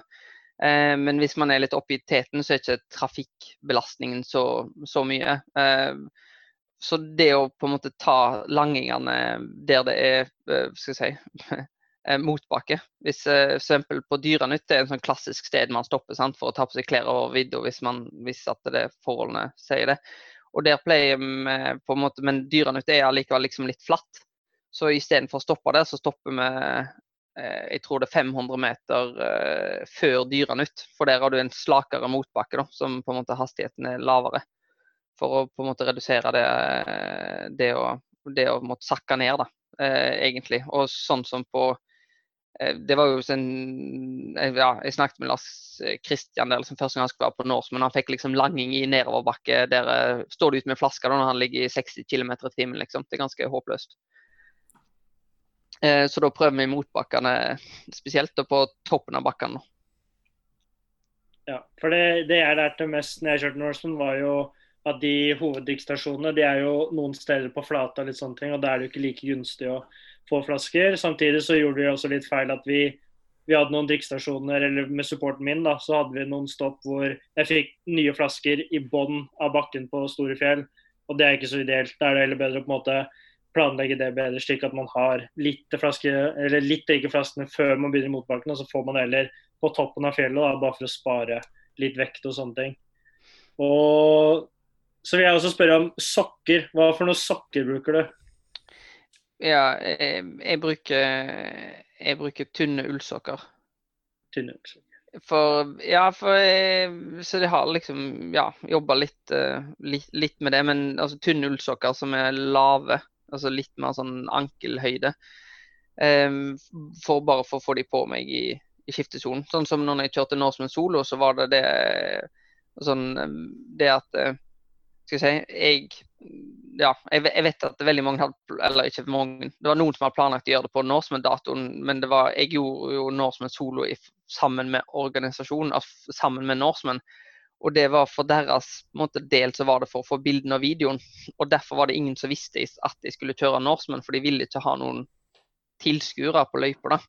Sånn at de fikk det i stillbildene. Og det var derfor det ble litt sånn undercover når jeg kjørte Norseman solo. Eh, så du, det er ingen eh, det var, det var, ikke noe, det noe copycat-beskyldninger her, altså. Men da hadde jeg ikke support. Så da den skiftesonen som jeg faktisk pleier å bruke 1 minutt og 30 sekunder på, da brukte jeg 14 minutter. Eh, som høres helt utrolig ut. Men det var mye pga. at jeg var så kald på hendene. Jeg klarte ikke å ta på meg sykkeltrøya. Og det var ingen der til å hjelpe meg, så jeg måtte stå og varme hendene mine til jeg klarte å ta på meg sykkeltrøya. Um, så det er litt sånn med de tingene som der man kan er normalt er god i skiftesonen, så kan man tenke ja, hvis jeg ikke har følelse i hendene, klarer jeg fortsatt å gjøre det. sant? Og sånn som da f.eks. jakka. Normalt så får jeg jo, tar jo supporten min på meg jakka, eh, altså i form av å dra opp glidelåsen. Eh, men da f.eks. på sokker så er det tynne ullsokker som er lave, med som også litt vide på et vis, sånn at de er lette å ta på. Ja. Hvor tror du, sånn utenom svømminga, hvor tror du at du har mest å hente på Norseman for å forbedre tida i gode forhold? Hvor tror du, hvor føler du at det er mest forbedringspotensial? Eh, hva vil det være for deg, eller for eh... Nei, for, for, deg og sånn generelt for proffene som kjemper om topp ti. Hvor føler du kanskje at utviklinga kan gå hakket bedre, da? Eh, ja, på løpingen. Fra zombieløp? Ja, altså, du, du har, altså på, på, svømmingen så blir det jo litt sånn Der vil de beste være fem minutter raskere.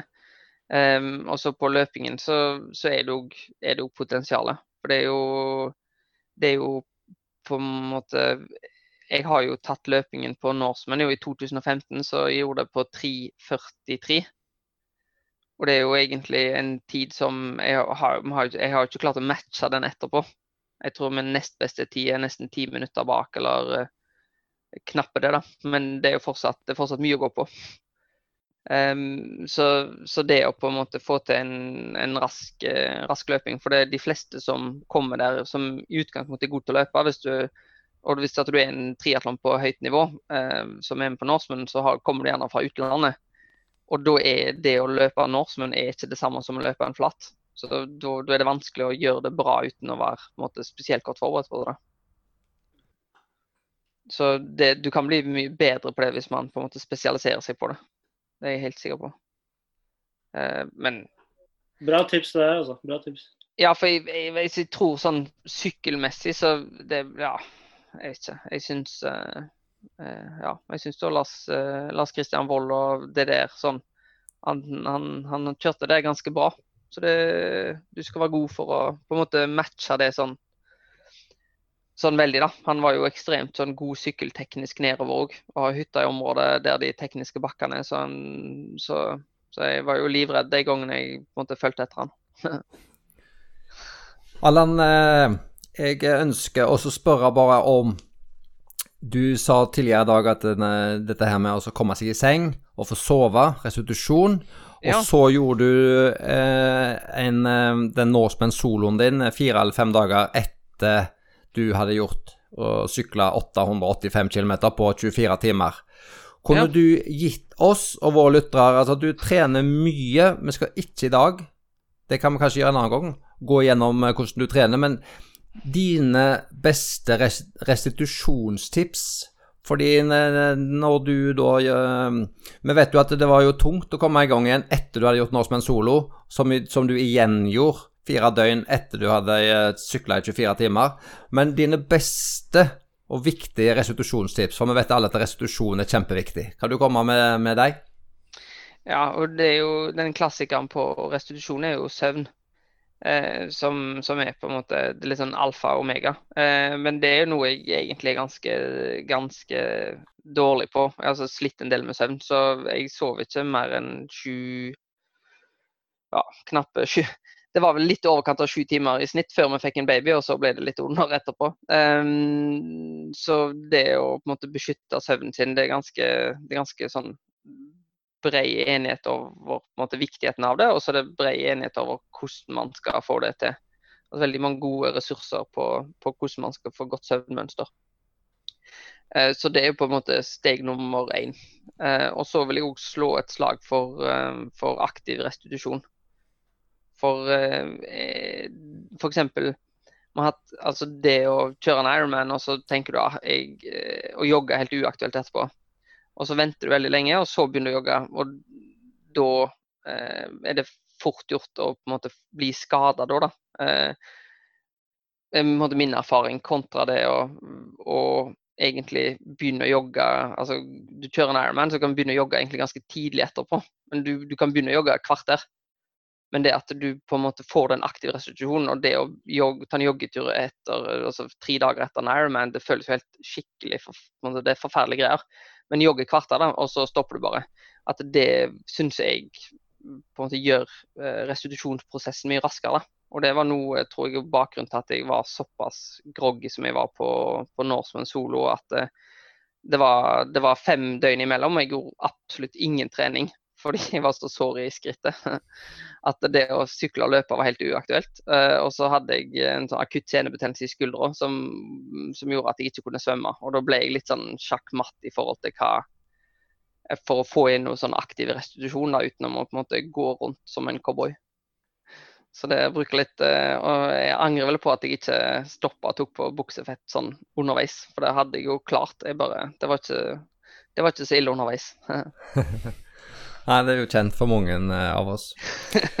Du Allan, uh, du har en veldig fin del i bloggen din, eller på nettsida di, som jeg har lyst til at Jeg har skrevet noen stikkord. Jeg ønsker at du bare supplerer litt hvorfor det er viktig, og om, omtrent så mye det er å hente på det. Fordi at du har da disse, noen stikkord. Du har skrevet det på engelsk. 'How to ride faster for free', part 1 og 2. Mm -mm. Så jeg leser det Jeg vet ikke om Det er jo ikke kronologisk rekkefølge, tror jeg du har skrevet de, det, det vet jeg ikke. Men uh, hvis du gir da eh, Jeg sier stikkordet, og så gir du noen litt utfyllende til det, og så bare drar vi igjennom her nå avslutningsvis. Altså vi hadde så travelt, vi måtte på i en times tid, så det kan være greit å gå inn for landing. Men disse her tipsene her er det jo masse å hente i, og når du kan sykle 885 km på 24 timer, så tror jeg det er noe for noen og enhver å hente. Så eh, første punktet ditt, det er å, å holde seg i aeroposisjon. Så viktig til dette. Ja, det er det aller viktigste. Um, så i en sånn grov sammenheng, eller sånn grovt sett, og da på en måte alle tallene her, uh, eller de fleste tallene Eh, blir eh, på en måte De har stor usikkerhetsmargin, for det er veldig individuelt store forskjeller eh, på en måte på, på, på noen av tipsene. Så, så vil en rytter da utgjøre på en måte 70, mellom 70 og 80% av den totale aerodynamiske motstanden. Sant? Hvis du sitter oppreist, så enda mer sant hvis du er veldig aero, kanskje litt mm, altså på den lavere skalaen. Men sittestillingen er den aller viktigste. Så, så det, å, det, å, på en måte finne seg Altså det å bruke god tid på å finne en god sittestilling eh, er en veldig, veldig god investering av, av tid. da. Så, så det er ja, nesten ja, veldig sånn under, underverdsatte eh, faktor, da. For, eh, for, det har jo både med måte aerodynamikk og biomekanikk, sant? hvordan man løper etterpå og alt det der. Så um, det, jeg har jo Det er påstått den beste sykkeltilpasseren på triatlon i Norge, og han er utrolig dyktig. Så det å, å bruke, bruke, litt ressurser på det syns jeg er en veldig god investering. Ja. Det mm, er nok et godt poeng når mange bruker mye penger på, på sykkelen, kanskje, i utgangspunktet. Du har òg et punkt på å ha en rene Eller du har skrevet på engelsk 'clean your bike', men det er sikkert òg drivlinjer og sånn som så kanskje er det, det viktigste der? Ja, så i utgangspunktet så var det blogginnleggene delt inn i part én. Det var ting som var faktisk gratis, altså for free. Eh, mens eh, punkt to var på en måte gratis i form av at du trengte trene, men at ting som koster penger, da. Men da i den rimelige skalaen. Så har jeg punkt, altså, har par tre men det er bare dyrere ting. Men jeg begynte på det som var gratis. Og det å på en måte vaske, vaske drivverket sitt er jo eh, altså Det er fort gjort å tape eh, liksom 4-5 watt eh, på, eh, på, på skittent eh, drivverk og sykkel sånn mm, i sin helhet. Og da eh, henger det vel på dette her med å sykle med korrekt dekktrykk? Ja, det er, veldig, det, er veldig, det er veldig stor forskjell der. Og det er noe som er utrolig enkelt å gjøre noe med da, i utgangspunktet. Fordi at Hvis du lurer på hva trykk du skal ha på dekket, så tar du og måler dekket eh, med en, eh, med en skyvelær. er jo ganske effektivt. Fordi at du ikke du leser ikke på dekket på sida. Fordi at et 23 mm dekk kan faktisk være 25 mm. Og når jeg satt på et 25 mm dekk på platehjulet mitt bak, så var det 28. Altså det målte 28. Så da tar man den målte, den målte bredden på dekket. Og så tar man vekt på seg sjøl med sykkel og flasker og fullt kit. Og så legger man det inn i kalkulator, eh, som den beste fra Silka. Så har du Silka Pressure Calculator. Og så får du den opp, eh, og så legger du inn hva type asfalt du skal sykle på. Og så kommer den opp med et tall. Og det tallet det pumper opp dekket. Ah, eh, for, ja, ja, for det, det å pumpe, pumpe, Hvis du pumper for mye trykk, som det de fleste har, så er det fort gjort at du kan eh, Man kommer forbi det som man kaller det um, impedance. Um, som jeg syns er bedre begrepet suspension loss. Um, det at du har du, du, kan se for deg at du har en bil der du strammer opp demperen så mye at uh, energien går gjennom demperen. Da. Og da kan du fort få på en måte 10 watt ekstra liksom, rullemotstand. da. Kontra hvis du har liksom 5 bar for lite, så taper du nei, 5 PSI for lite trykk, så kan det koste deg 1 watt, liksom. Men hvis du har for mye trykk, så koster det mye mer. Ja, det var det. jo det, det, var faktisk litt nytt eh, for meg, det. Det var jo kjempeinteressant. Ehm, eh, du har òg et, punkt som er gratis, det er at du skal forbedre eh, hvor du uh, har drikkeflasker, og hvordan du har oppsettet på dette her med Hvis du har med deg ernæring, da. da. Ja, og det er jo jeg Altså, ja, det, det, noen ting er jo på en måte mindre og mer praktisk enn noe annet, men du kan ha i en aerosammenheng, da, hvis at du har hvis du tester på en måte fem aerosykler, så du, får du rangering, altså gode aerosykler, så rammer, så får du kanskje den beste. sant? Eh, på, på, toppen. Eh, og så den da dårligste på bånn. Men hvis du tar ei flaske da, og så setter du på, um, på, på, på ramma, ei rund flaske setter på ramma, så blir den beste sykkelen den dårligste. Altså, på en måte, det, liksom, det koster fort fire-fem watt å bare sette ei rund flaske på, på ramma. Så hvis du klarer å bytte den runde flaska med Aero-flaske, så kan det, sånn som i mitt tilfelle, så vil min Aero-flaske den vil spare altså den eh, 2,4 watt positivt aerodynamisk for sykkelen. Testa til mm, på, måte, på, mi, på mi ramme og den, den flaska i den posisjonen. Um, så, så, det å hvis man, hvis man, skal ha runde flasker, det å få de f.eks. bak setet, det kan være mindre praktisk, da, men man har forskjellige løsninger. da, Så er det veldig mye bedre aerodynamisk. Um, og sånn som jeg testa i virtuell vindtunnel, så var det positivt uh, aerodynamikk med å ha aeroflasker bak setet i, i, en ganske sånn horisontal stilling. Selv om det gir risiko for at den kan falle ut, og du må ha en god flaskeholder. Eh, og så har du på en måte ha, få, Hvis du skal rundt flaska, ha den mellom styret. er alltid det er liksom den beste posisjonen. Da. For det er jo noe som ikke påvirker, påvirker aerodynamikken negativt. Så det er jo ja, ja, noe som spesielt for deg, Morten, som kommer fra en ITU-sammenheng der, der flaska er alltid på ramme, sant, om jeg har forstått det rett? Ja, det stemmer. Ja, sant? og det er jo sånn man sykler i felt, og så er det jo må du, du Ja, det er ikke Du har ikke helt det samme måte, aerodynamiske straffen for det, og så må det være sitte godt og være liksom litt mer sånn robust løsning, da. Og så må det være lett tilgjengelig òg. Du bruker litt mer tid hvis du skader mellom styr og sånn. Så det er jo viktig når du kjører i felt at ting er lett tilgjengelig, så at du ikke krasjer fordi du skal ta flaska bak setet. Ja, ja, absolutt. Så det er jo, jeg, jeg forstår jo hvorfor det er til vanlig, men det å få det der på en måte rent da, sånn fra sånn aerodynamisk perspektiv, at man ser liksom at luftstrømningen ser, ser på en måte ren ut. um, så hvis du ser sykkelen forfra, da, så bør man jo ikke på en måte lasse på for mye ting som, som tar det som frontareal. Og så har du jo denne, denne diskusjonen med menn og barbering av legger. Du mener på at det er noe gratis å hente i å barbere leggene? Ja, ja. Ja ja, helt klart. Ja, ja, nei, nei, men ikke Ja, ja. Altså, det er jo Det er jo Det er, jo, det er ikke det var, Før så, så, så var man sånn Ja, er det, er det ordentlig, eller er det myte, eller er det bare fordi at syklister er så forfengelige, liksom? Men det, det er ikke en myte. Det det er vindtunneltester og uten tvil mye å hente på å barbere leggene. Så, så, så det er det. Men sånn som dere snakket om i den utstyrsepisoden, så, så min sponsor leverer jo sånne aerotubes som legger, som er på en måte aerodynamisk stoff du har på leggene. Og det er jo helt vanvittig stor besparelse på, på det. Du, du snakker liksom mellom 5 og 10 watt, liksom, avhengig av hvor fort du kjører det. Så det er jo eh, At ikke alle kjører på det, det, sånn, jeg, sånn, det forstår jeg faktisk ikke hvorfor. At ikke Hvorfor Jan Frodeno ikke har aerotubes, liksom. Det er helt uforståelig for meg.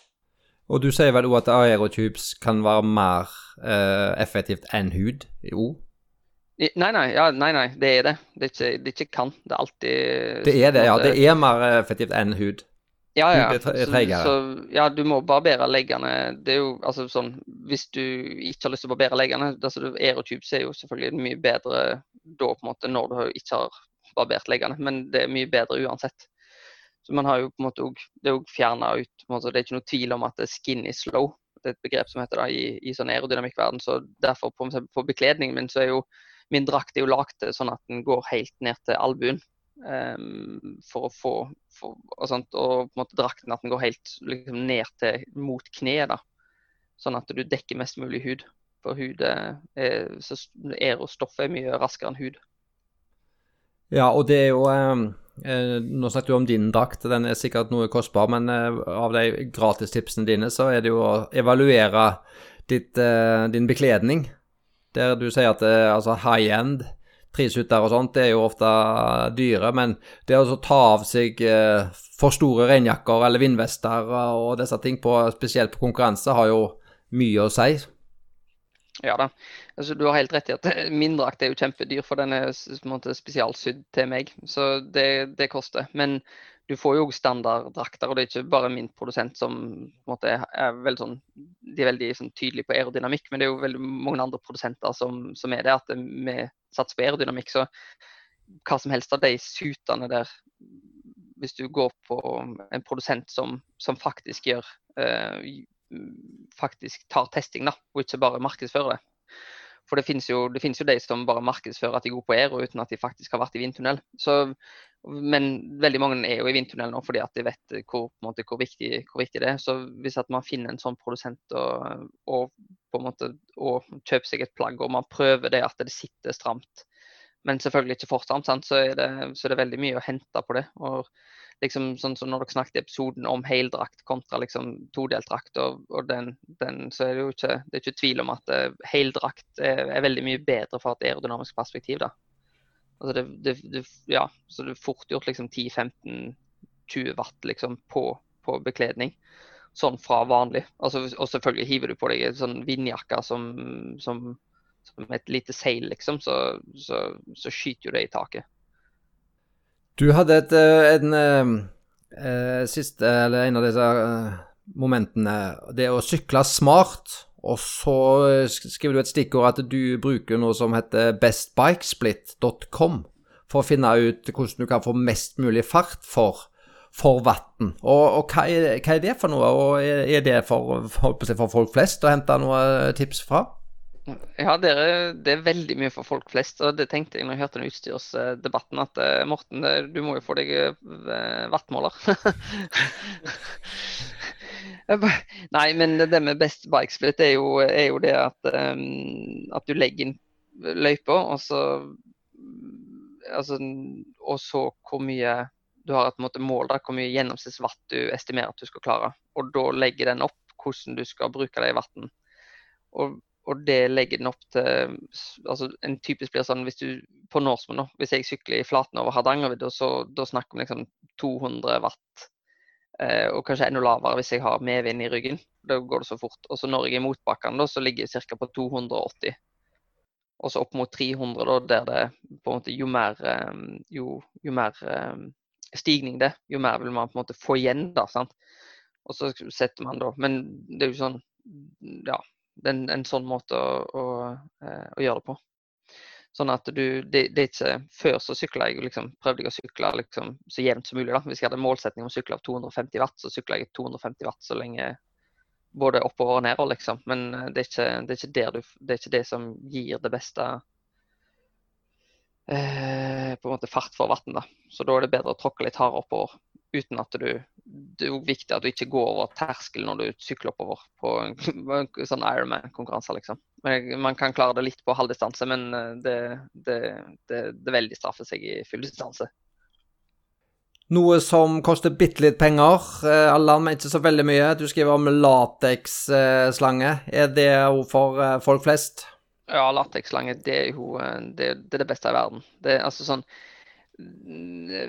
det var jo ikke på aerodynamikk, da, men eh, det var jo hvordan å gå raskere. Og, det å, at du kan kjøpe en slange som koster 100 kroner, og så, og så går det liksom 3-4 watt raskere per dekk. Altså Det er helt utrolig. Ja. Så det er en, eh, på nynorsk er det en no-brainer, ifølge deg? En no-brainer, ja, men da igjen det samme hvis du kjører tubeless. Altså Hvis du, hvis du kjører tubeless, så, så, er det, så er det ja, tilsvarende for de som, eh, for, for de som får til det. Jeg, faktisk, jeg faktisk fikk det ikke til å sette opp hjulsettet med tubeless, så da er lateks mye enklere, da. Og da hvis du går over til dekket, så eh, mange hensyn er der å ta på dekkvalg. Såkalt high eh, dekk og redusert rullemotstand. Så mye er det å hente. Så viktig er det for, for, for folk for folk Nei, det er jo altså sånn, Når man sier liksom for folk flest, og liksom sånn Ja, jeg skal jo bare fullføre. Og så tenker jeg sånn ja, Men, men på en måte Har du ikke lyst til å gjøre det liksom litt fort? Altså har du lyst og så tenker jeg, Hvorfor skal de beste få det på en måte enda enklere enn de dårligste med å ha på en måte bedre utstyr? og bedre aerodynamikk og liksom mindre rullemotstand. Sant? Det er jo, sånn som De fleste kjører jo på betylslange. sant? Og, som i motsetning til lateks. Um, og dekk òg er det jo kjempestor forskjell på dekk. Um, og nå på det rekordforsøket mitt så gikk jeg over til Victoria Corsa uh, Speed uh, eh, 2,0, som er de raskeste dekkene i verden. Og det, altså, det er en drøm å sykle på, uh, og det går mye raskere. men da de kan være litt utsatt for, for punktering. Da. Så, så, det er jo et hensyn å ta, men du får sånn som Continental GP 5000, som jeg sykla før det, det er jo et mer sånn et tregere dekk. Eh, men bedre punkteringsbeskyttelse. Men, sant, så da kan man velge liksom er, er, på en måte 5-6 watt er det verdt bedre punkteringsbeskyttelse. Da? Og det kan det jo være. Det skal jeg ikke si at det ikke, at det ikke er. Men, eh, men, å gå for et veldig godt dekk eh, er òg en, en måte, billig watt.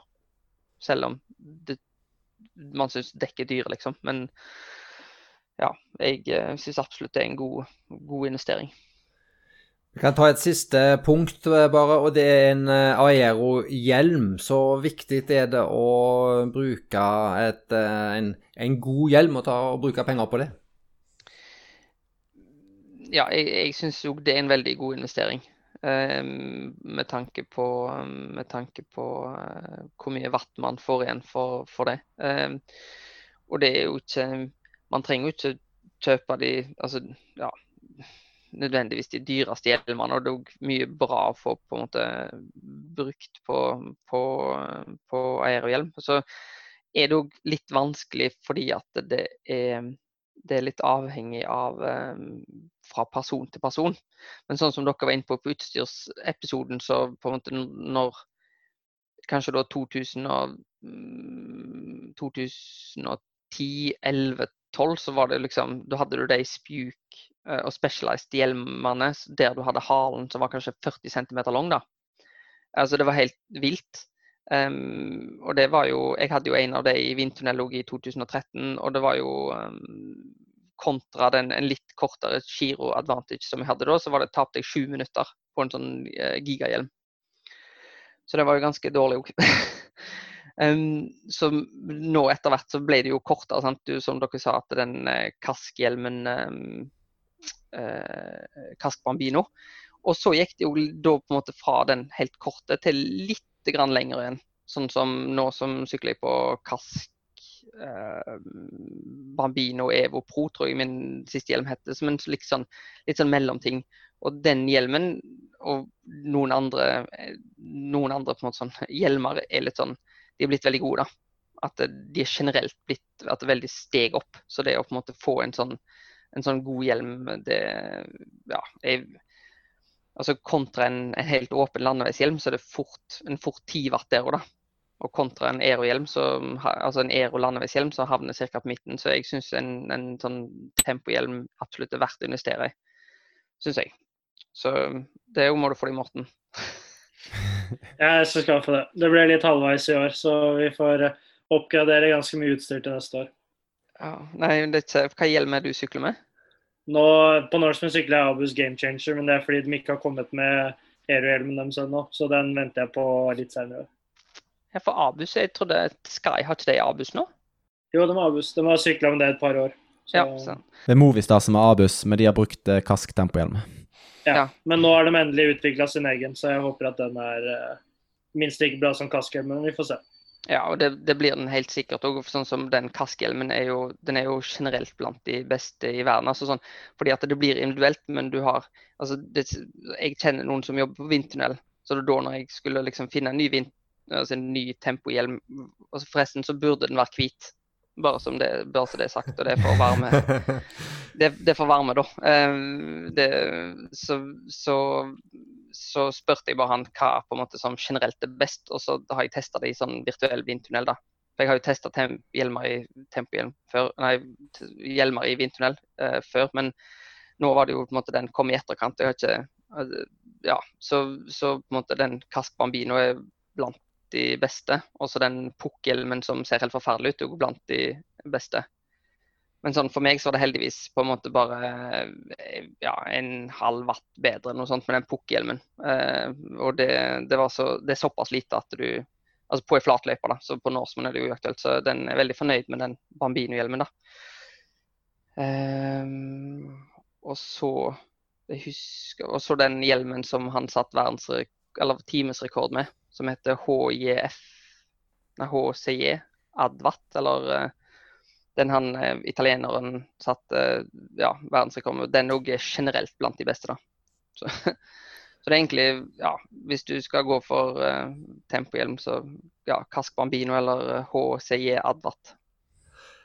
Allan, å høre på så kunnskapsrike og nerdete folk, det var ment skikkelig positivt. fordi at uh, allerede nå så vil jeg utfordre deg på at neste gang du er på Haugalandet, så må du si fra på skiftesonen eh, på Instaen der at du eh, trenger noen å sykle en rolig tur med, så er det et par av oss som, som vil bli med. Han ene har nok ikke sykle, lyst til å sykle så rolig tur, men eh, det skal jeg overbevise han om at vi skal gjøre. Og det tar gjerne noen timer og, og, og lærer mer av deg.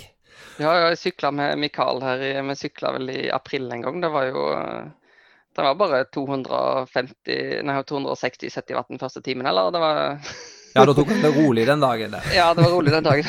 Ja. Det, ja, så han, han, han, skremmer oss, eh, oss, andre vekk, men at det, eh, det høres ut som du og meg kan sykle så lenge du begynner å snakke om 180-190 watt, så kan jeg kanskje være med deg en stund. Ja, man får noe ut av det òg. Det var skikkelig gøy, og vi sier tusen takk for at du tok deg tid på en eh, travel arbeidsdag eller kveld. Det går jo mot kveld, og du skal jo restituere. Eh, Mikael og eh, Morten, er det noe dere vil si eller spørre Allan om sånn til, til, slutt? Nei, han skal få lov til å gå til sengs, men jeg vil si takk for at han ble med. Det, det er gøy å prate med han. Han er en kjekk type, og jeg beundrer han ganske mye, faktisk. Veldig gøy å snakke med han. Det er jo, man ser jo mye likhet med det han jobber med i forhold til det landslaget gjør nå, med å optimalisere hver enkelt ting da, i et triatlon for å gjøre det best mulig. Så det er veldig gøy å se at du har like profesjonell innstilling på det som landslaget òg. Det er veldig gøy å høre. Og så er det gøy å høre at du har hørt på episodene våre òg, med utstyr. Så det, det setter vi pris på. Så tusen takk.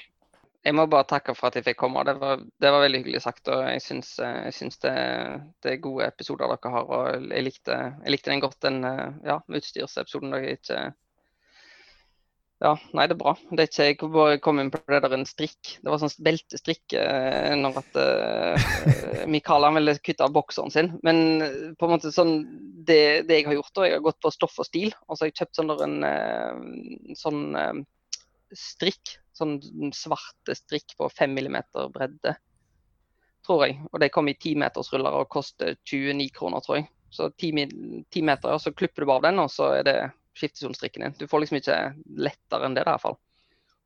Og billigere. Så der hadde du jammen et uh, både billig og kjempegodt tips der òg. Ja, Alla. Mm. Som sagt, vi skal plukke opp resten når du eh, skal sykle en rulletur på Vestlandet en, eh, ved en senere anledning. Vi takker for nå, og um, gleder oss til å spesielt å, å, å, følge deg videre. Og håper du, som andre, får, får gjort noe i, i, år. Vi fikk ikke kommet inn på det, men vi må jo bare håpe på at det kan bli noen uh, arrangementer. Så jeg vet ikke egentlig om du har lagt noen planer, om det er noe du har meldt deg på. Men eh, du håper vel bare det lengste for å få gjort noe du denne sesongen? Eh, altså, ja, men jeg er påmeldt Ironman Nice, da. Men jeg vet den er kanskje kansellert allerede, for alt jeg vet. Men eh, jeg tror ikke det blir noe av, så Eller kanskje det er kansellert, ja. Så jeg, eh, jeg setter bare opp eh, egne ting, jeg. Så jeg har et nytt 24-timersforsøk på gang. Og så vet jeg at det åpner en velodrom på Sola sånn den, den, er under bygging nå, så jeg har, litt, eh, jeg har, litt, noen aksjer i å prøve å få lurt meg inn på en velodrom. Selv om jeg har, jeg har jo aldri jeg har aldri sykla på velodrom eller på barnesykkel, men det er jeg helt sikkert kjempegod til.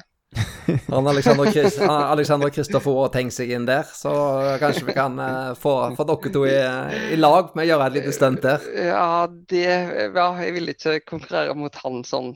Men da, da kan vi kjøre 24 timer, tror jeg. Så kan vi få med ja, da kan du jo nok eh, utfordre ham på den. Jeg prøver, ikke, jeg prøver ikke å ta Alexander Kristoff i uh, en spurt, for, uh, for det, jeg er vel sikkert den dårligste til å spurte ever. Siden det er ekstremt liten sjanse for at Alexander Kristoff hører på denne podkasten, så kan vi ikke bare si det sånn at vi her og nå utfordrer Alexander Kristoff, da? At du utfordrer ham på en 24-timers i den nye velodromen i Stavanger? Det, det, gjør jeg. jeg ja, det gjør du. da lar vi det være siste ord i uh, dagens uh, episode av Skiftesonen, altså Allan i Skiftesonen. Takk for at uh, du har hørt på. Håper du har funnet det like interessant som oss som har fått snakke live med Allan. Og så sier vi på gjenhør til neste episode.